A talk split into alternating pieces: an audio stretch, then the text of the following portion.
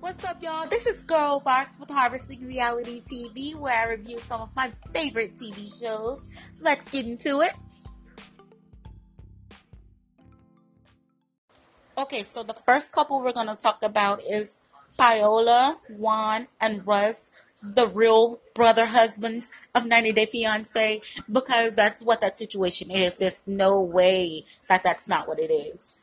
Paola disgusts me like you put your husband under this little bitty man, best friend or not, you know, 15 years or not, that's your husband. Like you're gonna grow old with him. You're planning on having kids with him, and you're making him feel she's not ready. Like she's honestly not. And clearly, Juan knows where Paola mind is. He knows that she's not ready. He clearly knows something because he's treating her husband like that, and she's not allowing it. And he knows that she's allowing it and she and he knows that she will allow it. Like, and she really, I can't even talk about her. I I, I want to move on. I can't even do it. Okay, now what we're gonna move on to is the infamous Anfisa and George. I love this situation. Maybe because I like the drama, but George just lies. He's such a pathological liar. And I love it. I'm so sorry. Anfisa, nobody deserves it. Anfisa didn't lie to him like everybody else does on Twitter. He's she was clear with her intentions, but it's funny. It's hilarious because they deserve each other. They really do. George is just like he just sit there and lies and the producer is shady as hell. Was it when you went to the divorce lawyers? I clapped and yelled when I heard that. I clapped and yelled. It was like the best. Anfisa was pissed off, but she's tolerating all of George's lies. Like you know that he's like you know that he's a liar. So like that's the part where it's really, really funny. Like because you know, and you're like you're allowing it. How can I feel sorry for you? Like, I mean, you just ugh, move on. Let's move on. Our next couple is Chantel and Pedro. Harvesting the American dollar. I love it. I love it. That's where my podcast name came from. Harvesting Reality TV is the family Chantel. I love every minute of it. If I could take every scene that they're in and put it in a snow globe and put it on my mantle, I would because that they're just like gold to me. Like it's hilarious. Pedro just does whatever the hell he wants. Chantel just bows out gracefully and let him do it like it's just the best thing ever. I love it. Mother Chantel, hilarious. Gold. Love it. Love it. It's drama. I wouldn't want to deal with it, but I, but they do. So like it's for me to watch, and I love every living minute, except the river. Uh, canceled let's put him over there with Paola. River and Paola, they're over to the side. All right, now let's move on. okay, so the next one we're gonna get into is the Penguin Ninja Turtle Batman ass bitch David and his sweetheart Annie. I don't like either of them. Not a fan. Annie fucked herself over. Like she dealt with that. It's disgusting. And after that whole sex situation that she described, I'm just so done with it. I like I, I it's no.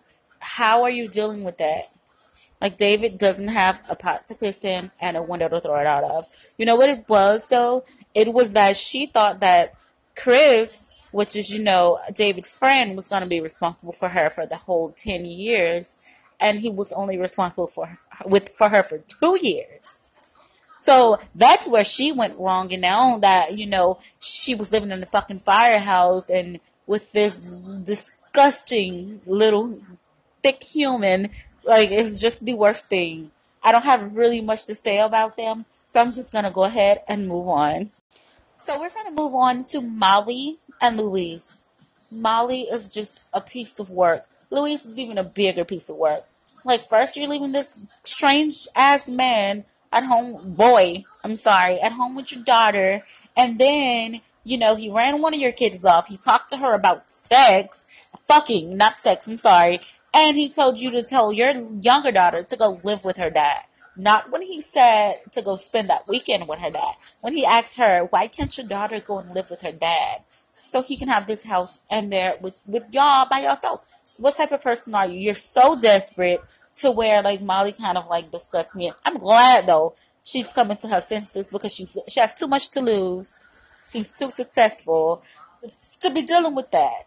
So, you know, I'll let you know, you know, I can tolerate Molly for a little bit longer if she comes to her senses. If not, like I just I don't know. But then Luis did the fool with the whole music thing. I couldn't even I couldn't. I couldn't. Uh, let's move on. Okay, so last but not least, Nicole and Azzy. That poor little Nicole, that poor little mentally unstable child. I really don't understand what's wrong with her. I don't get it. Like, how dare you bring this baby all the way to Africa for a man that's harvesting the American dollar, literally. Like, this man does not want you. He doesn't want anything to do with you. But I do think that he likes May you know, because she's such a little innocent child and she doesn't deserve it. And I was listening to the little video that they had online. I don't know how true it is, where he was saying he was using May to like holding her so Nicole wouldn't touch him. Like what? But it's like, I mean, Nicole, like you, you know, this man convinced you that his voice was his voice for a good reason but that was just obviously a lie. Like, what's wrong with Nicole, y'all? I don't understand what's wrong with. I don't want to know what's wrong with her because I don't want to get wrapped up into it. Like, she she really needs help, but on the plus side, you know, I mean, she did. She's making money from TLC. I'm thinking she's gonna be the next Danielle, because Danielle was supposedly the highest paid one on TLC. So I think that's what Nicole's aiming for. But did y'all see the picture with Azan and the wedding ring on? Oh my gosh, that blew my mind. That blew my mind. Okay, everybody, thank y'all for listening. I have to go. But if y'all want to tweet me questions, you know, right after the episode, please feel free and I'll talk about it. Whatever y'all want to talk about, just let me know. Thank y'all for listening. Bye bye.